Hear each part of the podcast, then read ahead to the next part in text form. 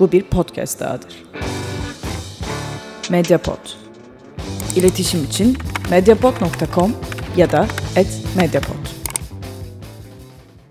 Tarih Sinema'dan herkese merhaba. Bu hafta bir Kadın Meselesi isimli 1988 yapımı Claude Chabrol filmini konuşacağız. Ee, tabii kalabalık bir liste önermişti bana Anıl. Ee, neye göre seçelim, ne yapalım diye tarihi olan birçok filmi önermişti. Ben de onların arasında e, bu filmi seçtim. E, daha doğrusu bu filmi yine e, iki Claude Chabrol filmiydi. Biri e, Anıl'ın da çok uzun zamandır konuşmak istediği Seremoniydi. Bir diğeri de buydu. E, bir kadın meselesini konuşalım dedik biz de bu yüzden. E, ve bir araya geldik. Tabii bu filmi seçerken aslında neden o liste önüme geldi? Kaç filmi belirledin? Orada birazcık e, seçim nedeni neydi Anıl? konuşulabilecek, tali sayılabilecek elimdeki ne, mühimmatı yığdım işte senin önüne. Sen de bu ikisine indirdin. Ondan sonra da seyir ankete çıktık ve anketten bu film çıktı. Ee, bilmiyorum yani ne kadar taraftar var, ne kadar izleyeni vardır ama biliyorsun ankette genelde sonuçları görmek için de insanlar bir şeyleri tıklıyor. Evet evet. Ama ezici bir çoğunlukla bu film kazandı. Evet. Ee, yani güzel e, bir filmdi yine. Yani benim için bir başyapıt demeyeceğim. En sonunda söylenecek şeyi ilk başta söyleyeyim. Keyif aldım ama e, izlerken bir izleyici olarak. Tabii ayrıntılarını konuşacağız şimdi. Tabii bu film ne anlatıyor? Biraz ondan başlayalım. E, İkinci Dünya Savaşı dönemi e, kadınların Fransa'da ayakta kalma mücadelesini biraz anlatıyor. Daha doğrusu bir kadın üzerinden bu öyküyü anlatıyor. E, bu kadın ayakta kalmak için, yaşamını e, sürdürebilmek için e, komşusuna nazaran daha iyi kürtaj yapma yeteneği olduğunu keşfediyor ve e, bu tip işleri yaptığında bir şeyler kazanabileceğini görüyor ve sonrasında eski bir arkadaşıyla karşılaşmasıyla e, biraz onu da evinde ağırlayabileceği yani hem e, ne diyelim fuhuş sektörünün içine girdiği hem kürtaj konusunun içine girdiği bir ahlaki e, meselenin toplum tarafından tartışıldığı bir konuya evriliyor e, diyebiliriz. Filmin öyküsü için herhalde bu yeterli. Ne diyorsun özeti konusunda? Şey ekleyebiliriz. Kürtaj bu esnada suç e, evet. Fransa'da. Ve ağır bir suç esasında. Bu arada gerçek bir hikayeden e, yapıl ya yani gerçek bir hikayeden esinlenmiş. Ve Fransa'da son idam edilen kadın diye biliyorum. Öyle bir şey Evet. S- son üç kadından biri ya da son kadın galiba. Evet, öyle bir şeyler şey evet. Ve kürtaj sebebiyle idam edilen iki kişiden biri olması lazım. Diğeri de bir erkek. Kadının adını hatırlamıyorum ya. Yok şey bu filmdeki gerçek hikayedeki kadının adını hatırlıyor musun? Gerçek hikayedeki adı o. Ee, Hayır. Marie Latour şeydeki filmdeki adı. Orijinalde de öyle olması lazım ya. Yok orijinaldeki ismi değiştiriyor ondan eminim. Allah Allah. Bir dakika. Ee, sen bir yandan konuşurken ben ona bakayım. Ben anlatmaya başlayayım. Esasında biraz Şabrol filmlerinden başlayayım. Şabrol yine Hitchcockçu yönetmenlerimizden birisi ki Hitchcockçu olmayan yönetmen sayısı oldukça az anladığım kadarıyla. Bir gün dönüp Hitchcock'la konuşmamız lazım bence bu yüzden. Olur. Ee, Ama daha önce de konuştuk. bu arada şey yapalım. Bakalım ee, en düşük oy almış ve şey en düşük oy almış filmini bulup onu konuşalım. Bu işkenceyi niye yapıyoruz peki kendimize? Yani talih sinamayız. Hitchcock filmleri artık Bilmiyorum. talih değil yani. Ta, ya tabii ki de değil ama yine de araya sıkıştırabiliriz. Bilmiyorum bakarız ona karar veririz. Şimdi yine Hitchcockçu yönetmenlerden birisi 1957'de yanlış hatırlamıyorsam bir Eric Romer'le birlikte bir kitap yazıyorlar. Hitchcock sinemasını ele aldıkları. Şimdi burada öne çıkardığı konulardan birisi Chabrol'ün kendi sinemasında devamlı kullandığı esasında suç meselesi. Ve suçun bir suçla ilişki duygusal olarak işlediği suçla duygusal olarak ilişki kuran karakterleri ele alıyor. Bir de daha masum kahramanları ele alıyor ve suçun nereye yerleştirebileceğini tartışmaya çalışıyor bu sebeple. Yani suçun neyin üzerinde olduğunu bir olayı gösteriyor hı hı. ve buradaki suçun nerede olduğunu anlamamızı e, bizi suçun nerede olduğunu düşünmeye itiyor. Ve her zaman karakterde çıkmıyor. Çünkü bu filmde gördüğümüz gibi bazen de bütün dünyanın e, yükünü sırtlanan, neredeyse günahını sırtlanan ama masum olan bir karakter çıkabiliyor karşımıza. Ama şöyle bir durumda var. Yani şöyle bir karakter asla yaratmıyor. yaptığı şeyleri bilinçli olarak yapan, bir topluma, bir duruma karşı baş kaldırmak için yapan karakterler asla yaratmıyor. Karakterler genel olarak gündelik hayatın meseleleri içerisinde savrulan ve geldikleri noktaya gündelik motivasyonlarla gelen karakterler. Hı hı. O yüzden çok şirin ve sevilesi ya da epik kahramanları yok. Fakat gerçekçi hayata değen kahramanları var ve onları bazen genelde suç işleyen karakterleri de işlediği için tam olarak bir suçlu kılıfına da koyamıyoruz, kahraman kılıfına da koyamıyoruz ve arada bir yerde duruyor. Ve suçun esasında nerede olduğunu tartışmaya açıyor Şabrol. Ee, bu da tabii işte Hitchcock'tan aldığı bir şey. Hitchcock da iyi psikanaliz bilen ve psikanalizi devamlı kullanan hani açık açık kullanan sonunda hatta işte Psycho'nun sonunda doğrudan ego nedir e, işte disosiyatif kişilik bozukluğu nedir bunları falan açıklatıyordu seyirci de görsün diye. Böyle bir adam. O yüzden Şabrol sinemasını anlamak için bunu akılda tutmak lazım. Genelde Şabrol sinemasında ikili bir okumaya imkan veren bir yapı olur. Genelde filmin sonuna kadar seni bir fikrin çerçevesinde e, düşünmeye iter. Filmin sonunda tam tersi yerden bir salvo verir. Bence bu filmde de buna benzer bir şey var. Ee, peki Buradan- sana şunu soracağım o zaman. Şimdi Şabrol sinemasına hakim olan aramızda sensin. Filmle ilgili ben e, çok eleştiri okudum. Yani iyisiyle kötüsüyle. Ama şöyle bir kanı var. Buna katılıyor musun? Şabrol'ün en belki de kendi adında taktiklerini en kötü uyguladığı yani kötü bir film olarak bahsedilmiyor bu arada. E, bu bahsettiğin Şabrol sinemasının e, jargonunu en kötü uygulayan film olduğu söyleniyor. Buna katılıyor musun? Kesinlikle hayır. Çünkü Şabrol e, para kazanmak için mainstream filmlerde yapmış bir yönetmen. O yüzden mümkün değil yani. Bu ben iyi tarafa düşen filmlerinden bir tanesi kesinlikle. Okey bunu merak ettim çünkü e, eleştirilerde bu çok fazla var. E, nasıl yaklaşılması gerektiğini Şabrol sinemasına hakim olmadığım için ben bilmiyordum. Burada senin görüşün önemli. Çünkü bir yönetmenin Bence değil, bu- birçok filmini izleyip onunla ilgili kanıda bulunmak, tespitte bulunmak çok daha e, kolay, çok daha makul. Şimdi bu filmde e, o bahsettiğin suç kavramı noktası var ya. Şimdi filmle ilgili benim tespit ettiğim şeylerden biri şu.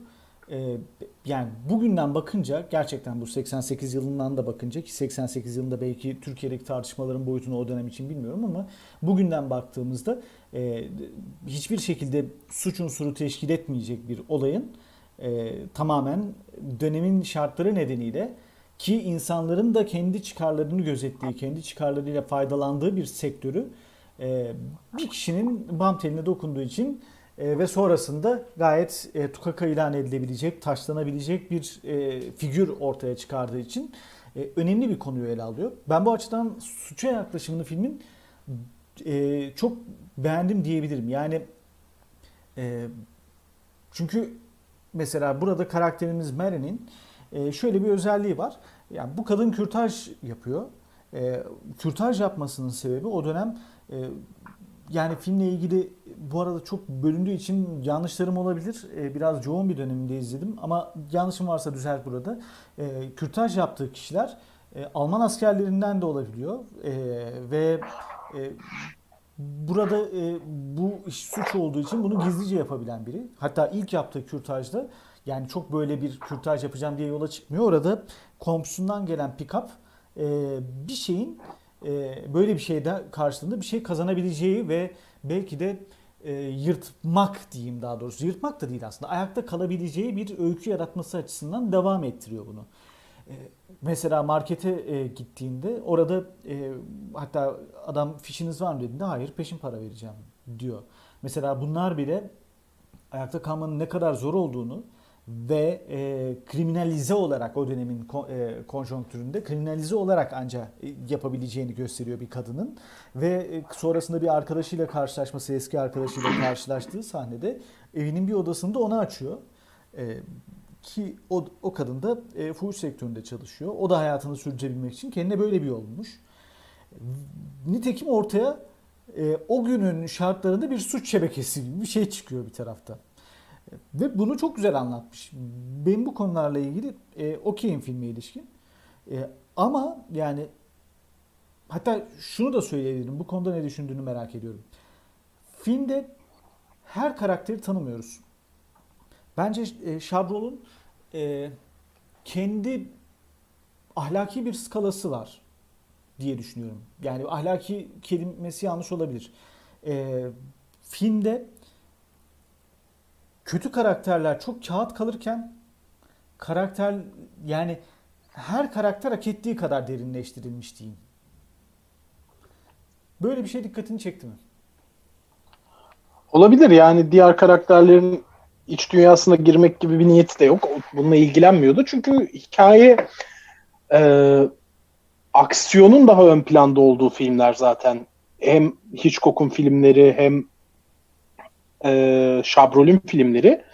Bu aksiyonun kendisi, durumun kendisi aktıkça karakterler gerekli olduğunca onların iç dünyaları yansıtılıyor. Psikolojik durumları, olaylara bakışları yansıtılıyor ama gereksiz tasvirlerden uzak diyebiliriz. O yüzden her karakterin içsel yolculuğuyla ilgili bir şey bilmiyoruz. Doğru. Ama mesela şeyi de söyleyeyim. Ee, mesela kocasını canlandıran kişi bu filmin e, kötü karakteri e, bizim izleyici kriterimizde. Çünkü o günkü suçlamayı ortaya çıkaran ve kendi kaybettiği bir hayatın bedelini e, o kadına ödeten bir adam.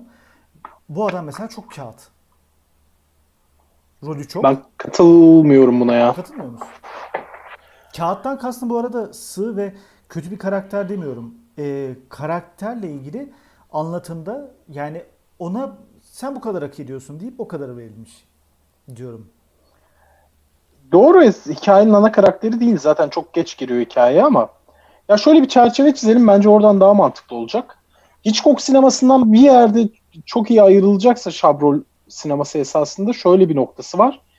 Ee, cinsiyet meselelerine yaklaşımı.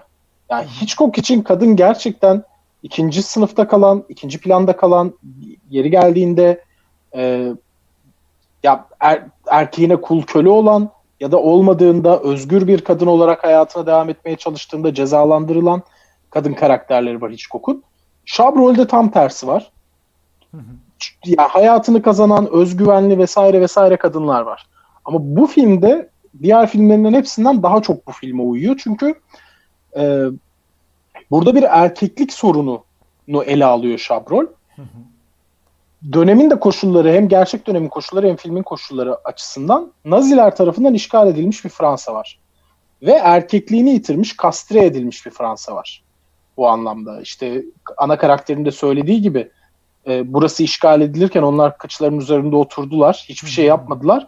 Şimdi acısını benden çıkarmaya çalışıyorlar diyor ya. Evet. Aynen öyle bir durum var. Hmm, gerçek anlamıyla erkeklik yıkıldığı için işte e, savaşı kaybetti, askerleri rehin durumda, erkekleri iş bulamıyorlar, yani hayat yaşatamıyorlar.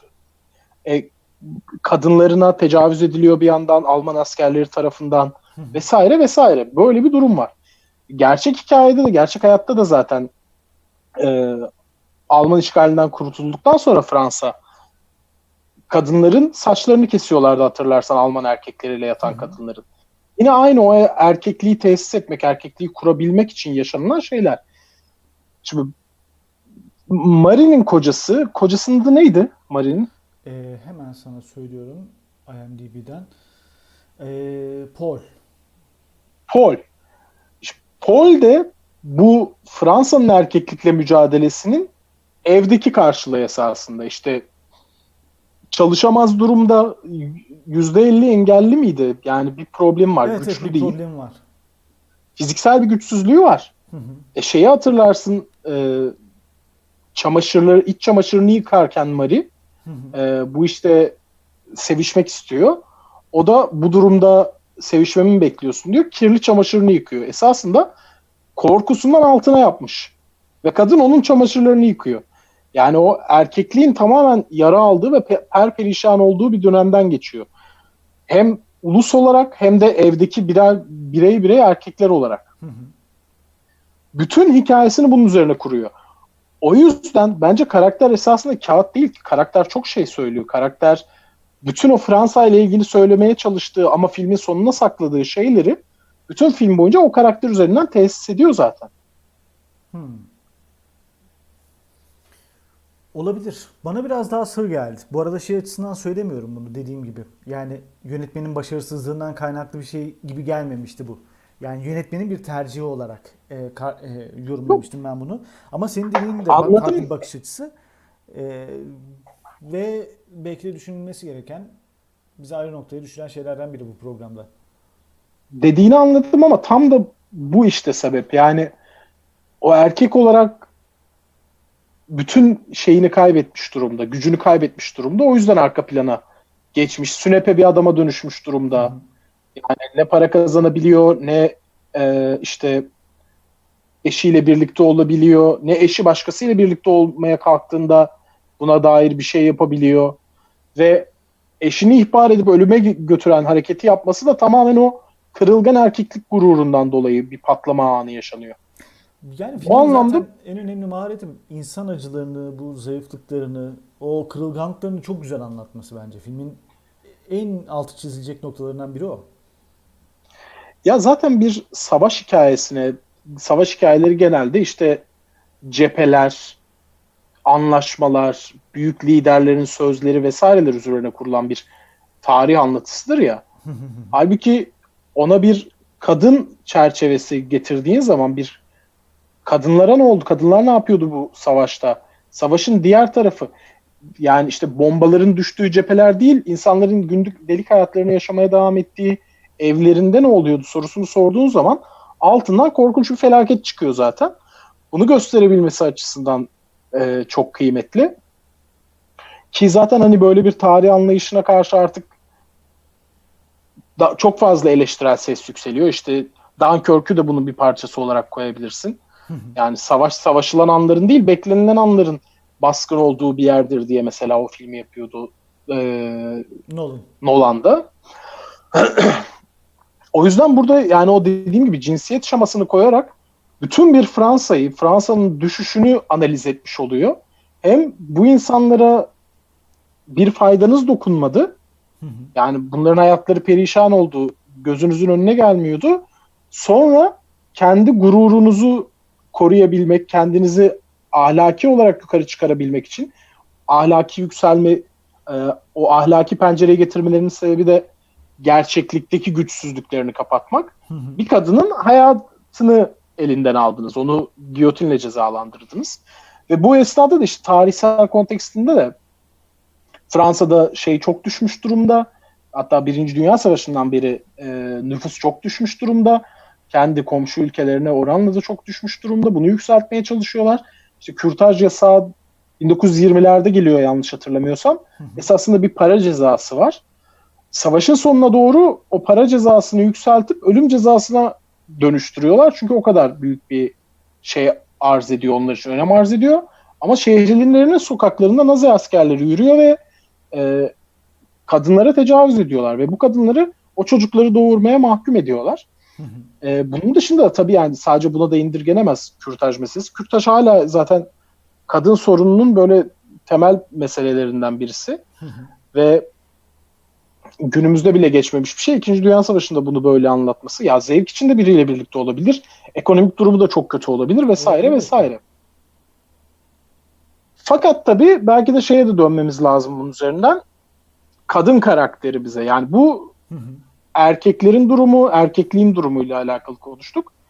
İstersen şimdi bizim esas karakterimize ve onda cisimleşen kadınlık hallerine ve onun ona özgü meselelere geçebiliriz. Evet bence de geçmeliyiz. Burada tabii ki yine psikolojik çözümleme konusunda sen e, birkaç adım daha önde olacaksın ama ben şunu söyleyeyim. Yani bir yönetmenin e, seçebileceği en iyi e, kastı oturtmuş diyebilirim kadın karakterine. Yani Isabel Huppert, e, Hooper ya da nasıl okunuyorsa tam bilmiyorum. Yani birkaç kez baktım ama doğru düzgün yakalayamadım. E, inanılmaz bir oyunculuk sergiliyor ve zaten bu filmden sonra çok sinema tarihinde hep böyle o adını farklı yere koyma niteliğini çok net gösteriyor. Bunun sebebi ise şu. Chabrol'un yaratmış olduğu karakterin bütün düşüncelerini yüzünde inanılmaz güzel taşıyabiliyor. Yani kararsızlıklarını, e, zaman zaman yaşadığı sorunları, çıkmazları, kırılganlıklarını, arayışını, bunların hepsini e, çok net bir şekilde yüzünde yansıtıyor. ve tavırlarında yansıtıyor. Bu bence müthiş bir oyunculuk başarısı.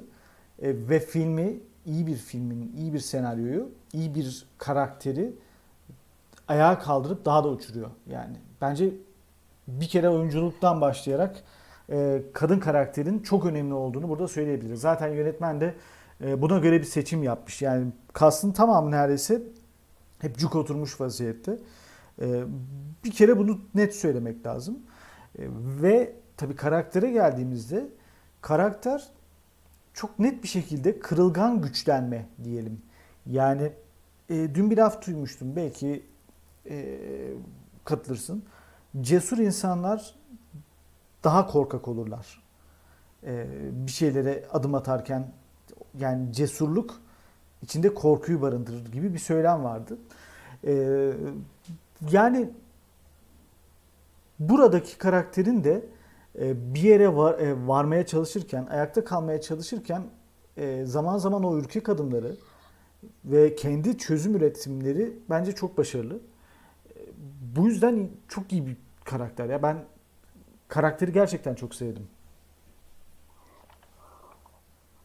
Ben oyunculukla ilgili tam tersini düşünüyorum senden. Bence Isabel Hupperd'in kullanılmasının sebebi tam da duygularını yüzünde göstermeyen, e, daha donuk bir şey verip san, bir gizem unsuru oluşturan bir aktör olması. Ha bu arada bak yani şunu bir... söyleyeyim. E, direkt e, jest mimik oyunlarıyla yapmadı bunu. Yani burada sana katılıyorum. Yani aslında aynı yerdeyiz ama ben şeyi söylüyorum. Bunu mükemmel oynamış. Hani her anını çok iyi oynatmış diye düşünüyorum. Evet. Evet biraz biraz daha boş bir levha veriyor. Olabildiğince de bunu uzatıyor filmin sonuna son ya yani ikinci yarısına kadar neşeli anlarını bile daha az görüyoruz ama özellikle yalnız kaldığında mesela kürtaja başlayacağı zamanki sahneleri hatırla. Hı hı. Tam olarak ne düşündüğünü, aklından neler geçtiğini bilmiyoruz. Bence yönetmeni de tam istediyor. Bunun için de mükemmel bir zaten oyuncu. E, tam da bu roller için yani ideal bir oyuncu. Hı hı. Şimdi karakterin esasında sevilecek bir tarafı yok bu karakterimizin. Çünkü işte para kazanır kazanmaz bozulmaya başlayan işte başta evet çok haklı çünkü ot yoluyorlardı dışarıda ve onu yiyorlardı kaynatıp. Birazcık para kazanmaya başladıkça işte doğru düzgün şeyler satın almaya başladılar. Ev değiştirdiler vesaire vesaire. Fakat burada hani kadında bir problem görebileceğimiz hiçbir şey yok. Hani zaten fakirlik içerisindeydi. Kendine bir yol bulduğunda da parasını kazandı ve daha iyi şeyler aldı. Fakat bir yandan da para kazandıkça karakterinde bazı değişimler olmaya başladı. Ve e, mesela adamı başta da itiyordu ama para kazandıkça adam üzerindeki umursamazlığı iyice arttı. Hatta şey seviyesine yani e, birlikte olduğu diğer adamı eve getirip orada partileyecek kadar E, kocasını umursamamaya başladı. Bu açılardan öyle çok da sevilecek bir kadın değil. Öte yandan biz bunları anlatıyoruz işte bu kürtaj meselesiyle ilgili Fransa'nın durumunu vesaire anlatıyoruz ama onun para kazanmak dışında bir motivasyonu yok. Yani kürtaj yaptığım insanlara yardım ediyorum falan filan gibi bir meselesi evet, yok. Evet. Bence Şabrol orada dengeyi de şu yüzden çok güzel kurmuş. Yani devlete bu kadını sorgulama hakkını vermiyor gerçekten. Siz o pozisyonda değilsiniz diyor bence bir yönetmen olarak. Fakat e, kürtaj yaptığı kadınlardan birisi ölüyor. Ve ölen kadının e, kocasının kardeşi işte görümcesi galiba Hı. yanlış hatırlamıyorsam. Oraya geliyor çocuklarla birlikte geliyor ve diyor ki bu çocuklar senin yüzünden annesiz kaldı. Yani yönetmen şeyden kaçmıyor burada. Ahlaki olarak sorgulanacak bir tarafı var gerçekten bu kadının yaptığının. Çünkü burada mesele kürtaj yapıyor olması değil, hiçbir tıbbi bilgisi olmadan kürtaj yapıyor olması ve insanların hayatını tehlikeye atıyor olması esasında. Ve bunun üzerine bile bir an bile düşünmemiş yani. Onu o davranışlarından görüyorsun ve böyle bir Raskolnikov gibi onu rahatsız eden tek şey e, acaba yakalanacak mıyım korkusu. Ya bu kadın beni şikayet edecek mi? Kadını şikayet etmeyeceğini öğrendikten sonra kadının hatta o kadını öldürdüğü kürtaj seansı için para da alıyor. Sonra gidip eğlenip güldüğü hayatına devam ediyor. Bu açılardan çok defektleri olan bir karakter. Ee, Be- şey ben çok zaman güzel bu. Sen burada durduğunda hemen parantez açıp şunu söyleyeyim. Benim karakteri sevme sebebim bu zaten. Yani karakter çok normal. Değişimini çok net yaşatıyor. Ee, yani ben şeyi seviyorum. Başından sonra değişen karakterleri, sürekli farklılaşan karakterleri yani Şablo bunu çok iyi yapmış. Ben o yüzden hani e, karakter olarak sevdiğimi söyledim. Gerçekten dediğin gibi bu arada insan olarak e, karakter olarak sevmeyebilirsin. O ayrı bir şey. Devam et. Bence, bence de o açıdan çok güzel yaratılmış. Yani baktığında esasında kasabalı cahil bir kadından fazlası değil bu karakter yani. Öyle bir kadın hakları savaşçısı olduğu için falan kürtaj yapmıyor. Bu arada gerçek hikayede belki öyledir onu bilmiyorum ama zaten soyadını değiştirmesiyle de gerçek hikayeye sadık kalmayacağını göstermiş oluyor bence Şabroy. Ee, önemli şey- şeylerinden biri de bu bu arada. e, adının değiştirilmesi. Ee, yani Chabrol'ün bu filmde politik olmaktan kaçınması, hikayenin özünün daha politik olması noktasında burada kaçınması. Üzerine eleştiriler var.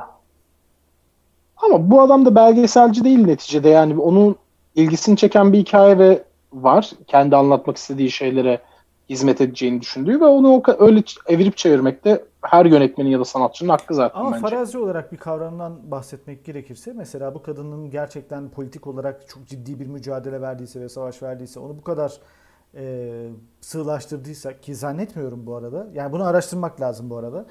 E, Ben araştırdım bir şey bulamadım. Ha, böyle bir şey yaptıysa elbette saçma. Yani basitçiliğe kaçmış olur. Bunu e, çünkü o o karaktere haksızlık etmiş olur ama sanmıyorum dediğim gibi. Ben dediğim gibi şuradan katılmıyorum. Zaten o karaktere benzerlikler var ama o adı yani adını da değiştirmiş. Hani o hikayeden esinlenilmiş bir hikaye olarak bakmak lazım buna. O hikayeyi anlattığı iddiasıyla çıkmamış zaten. Hani gerçek bir hikayeye dayanmaktadır falan filan da yazmıyor hiçbir yerinde zaten. Sadece o bir e, ne denir? İlham kaynağı olmuş o hikaye ona. O yüzden bence bir problem yok. Sen bir Şimdi şey önemli. Senin de bahsettiğin bir e, fahişeyle arkadaşlık etmesi Hı hı. meselesi. Şu yüzden çok önemli çünkü o dönemlerde de biraz daha eskisinde de bir kadının sosyal hayatta var olabilmesinin çok az yolu var gerçekten. E, bunlardan bir tanesi işte fahişelik, Hı hı. bir tanesi aktörlük, işte bir tanesi hemşirelik, e, bir tanesi operada sanatçılığı ya da sanatçılık diyelim genel olarak. Hı hı. Ve esasında bu fahişe karakterle bir araya gelerek toplumsal hayatta bir yeri oluyor. Fakat toplumsal hayatta yeri olan bütün kadınların esasında düşük kadın olması gibi bir inanış var zaten. Hemşireler dışında diyelim. Yani şu anda hatırlayabildiğim. Onlar biraz daha hafif kadınlar. Onlar biraz daha e, mesela evlenilemeyecek kadınlar falan gibi bir bakış açısı var. Öyle çok yüceltilen bir kadın karakter zaten yok. Yani ya işte rahibe olacaksın ya da işte hemşire olacaksın ve büyük ideallere hizmet ediyor olacaksın ki kadın olarak seni el üstünde tutsunlar ama öbür şekilde yani bir evinin olması için bir yaşamının kendine ait bir yaşamının olması için yapacağın işler hep böyle düşük görülen işler. Hı hı. Ve işte az önce o başta da söylediğim gibi ilk bu kadınların saçlarının kesilmesi savaştan sonra savaşın kaybedilmesinin sorumlusu bunlarmış gibi de erkeklerin oraya bakış açısını çok iyi gösteriyor zaten. Ve bu kadın da o yine meselelere çok ya toplumsal olarak inanışlara, o erkeklerin bakış açılarına çok yabancı olmasından kaynaklı bu fahişeyle arkadaşlık etmekten, evine almaktan, işte evinde bir odayı kiralamaktan vesaire hiç rahatsız olmuyor. Hatta ikinci odayı da kiralamayı düşünüyor. Aynen öyle. Öte yandan da şey bir kadın çünkü. Ya para onu motive eden esas şey. Para kazandıkça bütün bunları aşabileceğini görüyor. Yani Naziler de onun umrunda değil. Başka bir yakışıklı genç bir oğlanla birlikte olmak, e, para kazanmak falan gibi aslında normal bir insanın arzu edebileceği arzuları var. Çok da böyle Hı hı. e, nasıl denir ona? Çok hırslı, para için her şeyi göz ardı edebilecek kadar büyük şeyler de yapmıyor esasında. Ama oradaki hoş detaylardan birisi şarkıcı olmaya çalışıyor olması bütün bunları yaparken. Yani şey diye bir laf vardır ya zenginlerin, çok zenginlerin söylediği işte e, atıyorum 200 milyon dolar param var. İşte hı. nasıl kazandın dendiğinde işte son 100 milyon doları şu işten kazandım. Son 50 milyon doları buradan kazandım falan filan. 1 milyon dolara gelince onu nereden kazandın deyince ilk 1 milyon, 1 milyon dolar sorulmaz derler ya. zengin olmanın koşuludur. Bu kadın da ilk 1 milyon dolarını esasında oradan kazanıp şarkıcılık kariyerine geçip oradan da çıkmayı planlıyordu. Esasında zengin olma stratejisinde de toplumun kabul etmediği hiçbir şey yok. Problemi onun başarılı yapamaması.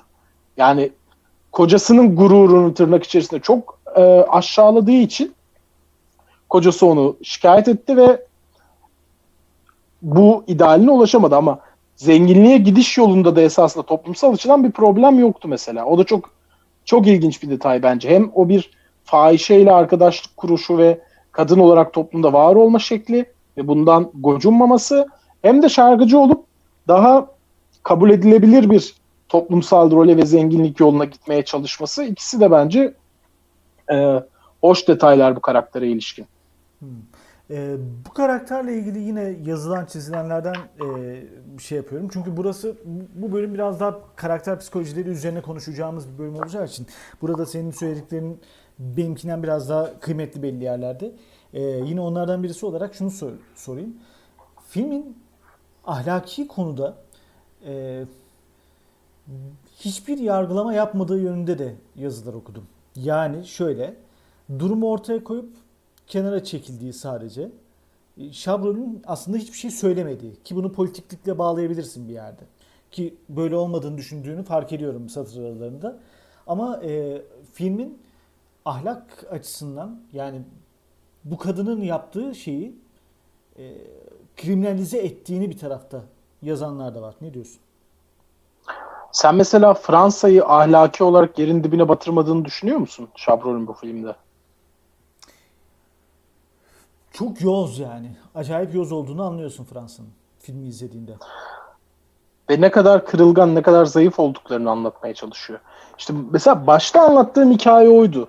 Yani bu dünyanın ya da işte bu film özelinde Fransa'nın günahlarını üstüne yıktığı bir kahraman karakterimiz var.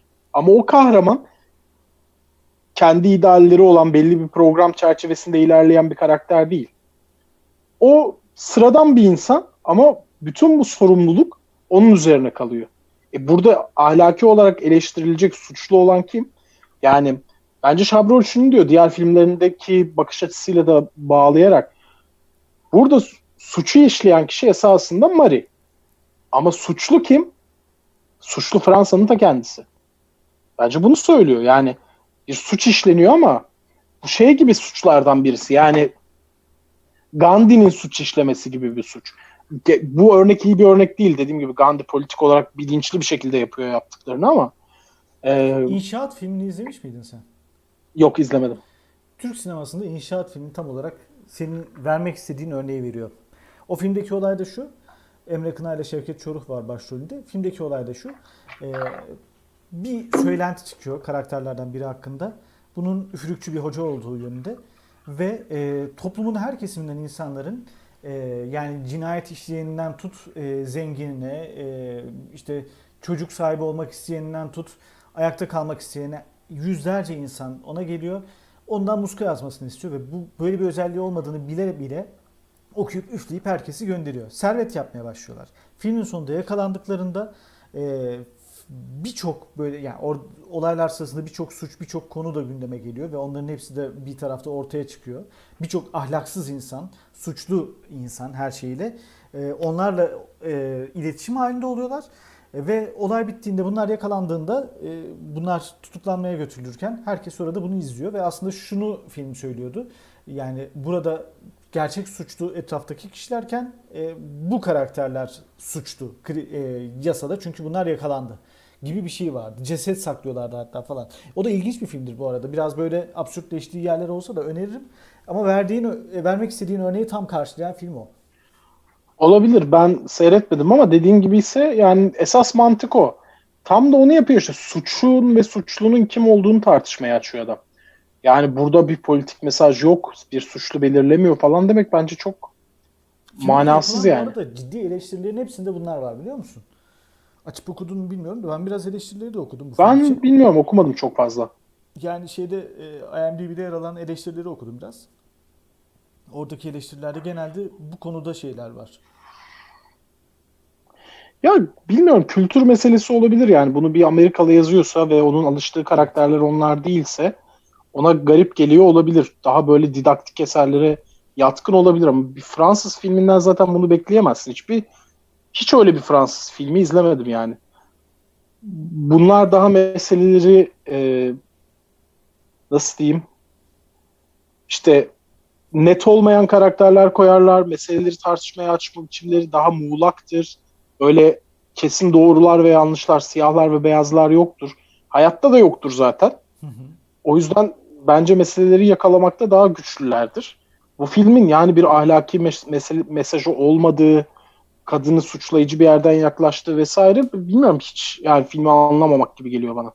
Yani ben bu konuda katılmıyorum ama bir tarafta yani bu filmde özellikle eleştirileri okumak istedim. Çünkü e, nereden eleştirmişler, nereden vurmuşlar filme merak ettim. E, bu meseleler üzerinden birazcık vurmuşlar.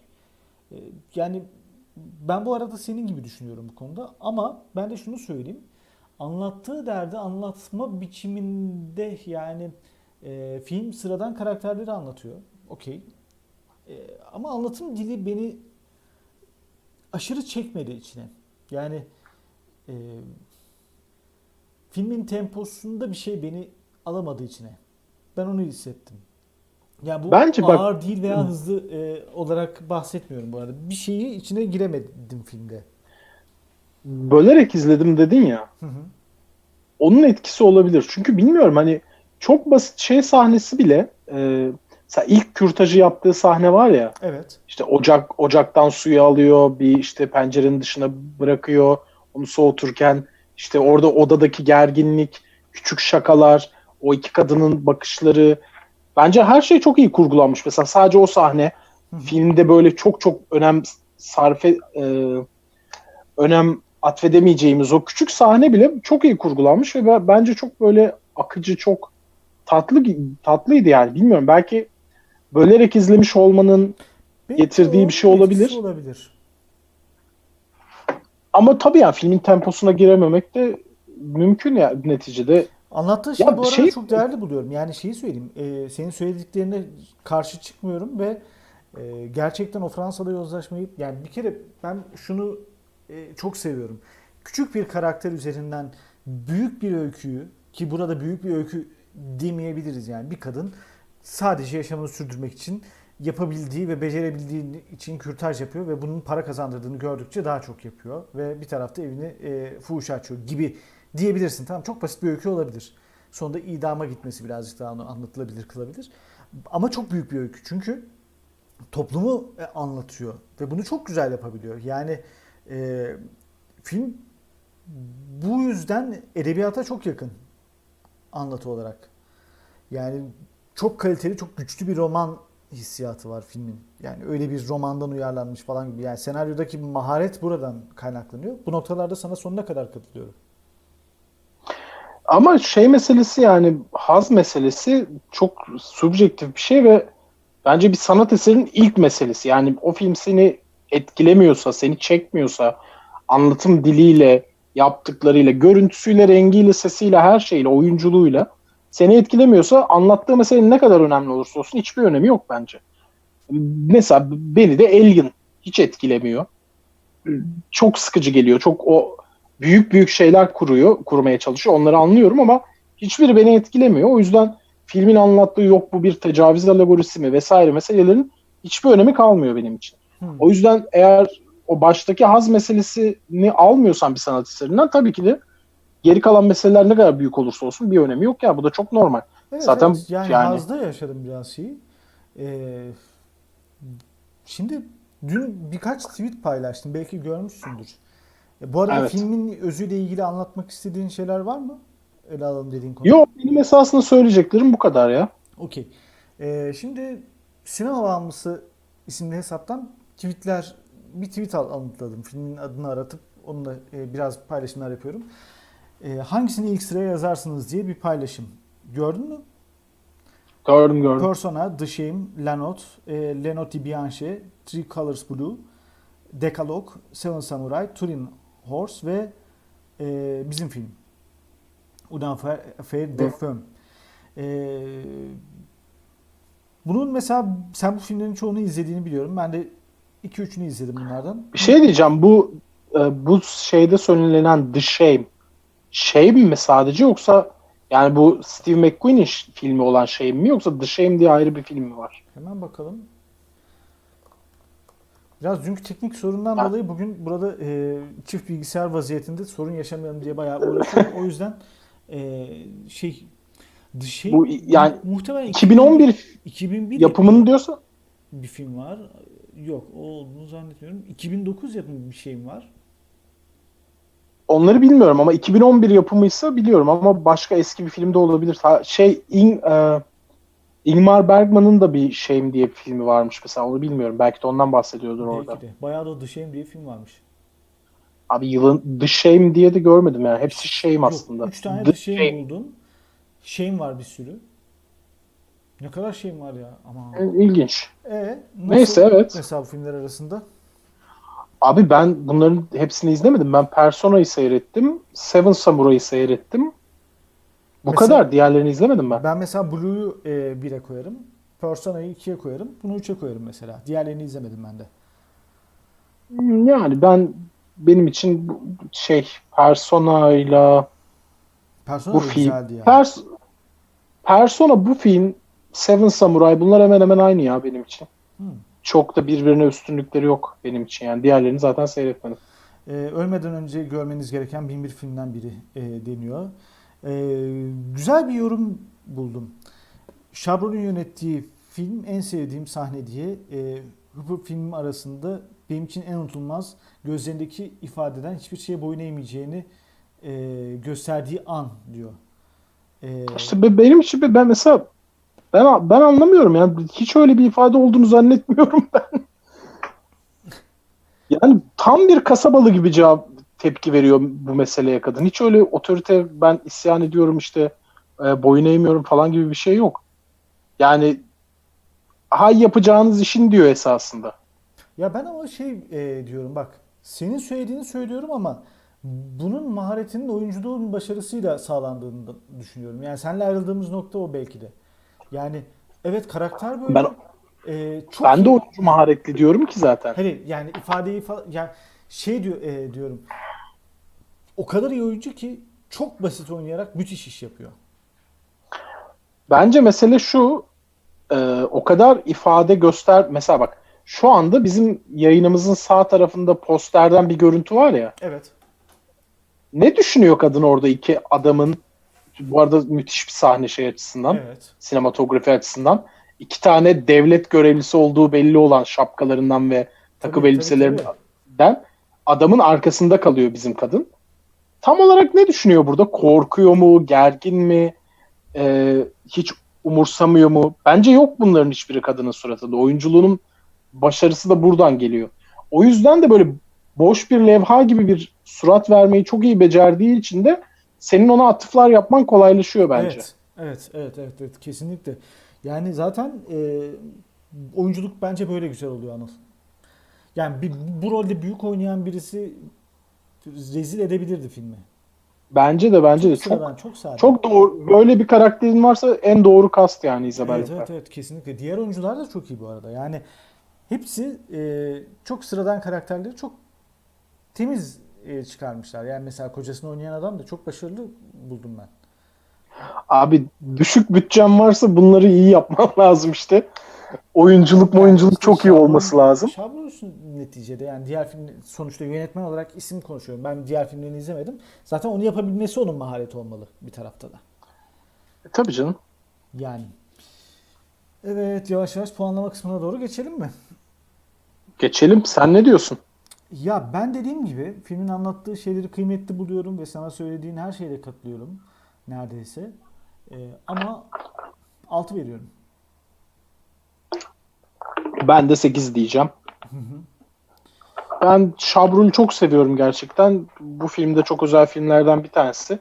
ileride tekrar dönelim bence. Seremoniyi bir ara kesin yapalım. Seremoni Şabrol yaparız, konuşmaya devam edelim. Ama sen de bir iki Şabrol filmi izle böyle dandik film izleyeceğine 365 gün falan. Ya işte o filmden beklentim e, de yoktu da böyle bir akşam vakti saat 11'de hadi bakalım buna neymiş falan filan diye baktık. Bakmaz olaydık. Ben yarım bıraktım da e, Dilara tamamladı. Rezil bir film yani öyle böyle değil.